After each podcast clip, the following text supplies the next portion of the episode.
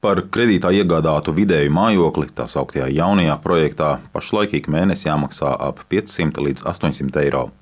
Svetbanka hipotekārās kreditēšanas jomas vadītājs Normons Dīcis ilustrē, kāds sadardzinājums gada laikā ir skāris vidējo maisaimniecību. Šis Eiribor pieaugums ir devis, es teiktu, nu jā, savus 200 eiro pie tāda nu, jaunā projekta dzīvokļa, kurš maksā 120, 150 tūkstošus eiro. Ja viņi aizņemās uz 30 gadiem, tad ir nu, noteikti šis ikmēneša maksājums par kādiem 200 eiro lielāks nekā viņš būtu bijis situācijā, kad Eiribors bija pielīdzināts nulē. Un gandrīz vai ar nulli nekustamā īpašuma darījumu skaitu jaunajos projektos raksturo Aigars Šmits kompānijas Arko Real Estate valdes priekšsēdētājs un nekustamo īpašumu darījumu asociācijas vadītājs. Liels attīstītājs ir nesen uzbūvējis māju mežciemā gandrīz 80 dzīvokļiem, kur nu, tas ir tāds indikators, ko es varu minēt, ja, ka mežciems nav sliktākais rajons, bet ja mēs redzam, ka rezervācijas notiek ļoti kūtri, tas ir tas tāds, kad ir ka laikam šobrīd tā būvniecība mazliet ir jāiepauzē, vai labāk ir pat neuzsākt projektu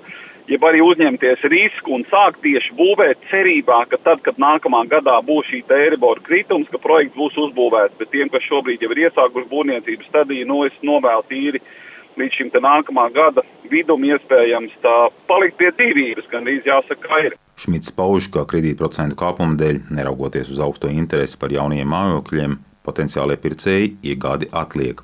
Situācija ir nogaidoša.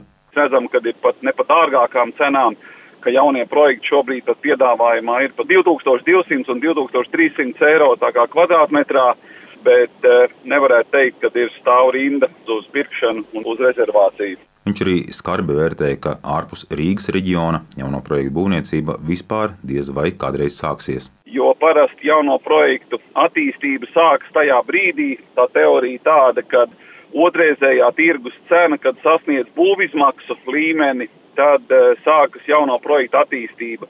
Un, ja šobrīd mēs skatāmies, ka tā būvniecības izmaksu robeža šobrīd ir ap pusotru tūkstošu eiro, tad, manuprāt, izpēt Rīgu citur šādu ceļu līmeņu vienkārši nav un nekad nav bijuši, un es domāju arī, ka nebūs.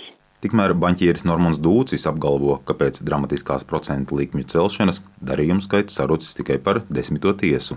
Mēs joprojām novērojam klientu interesi un arī, protams, darījuma skaits. Protams, viņš varētu noteikti būt lielāks.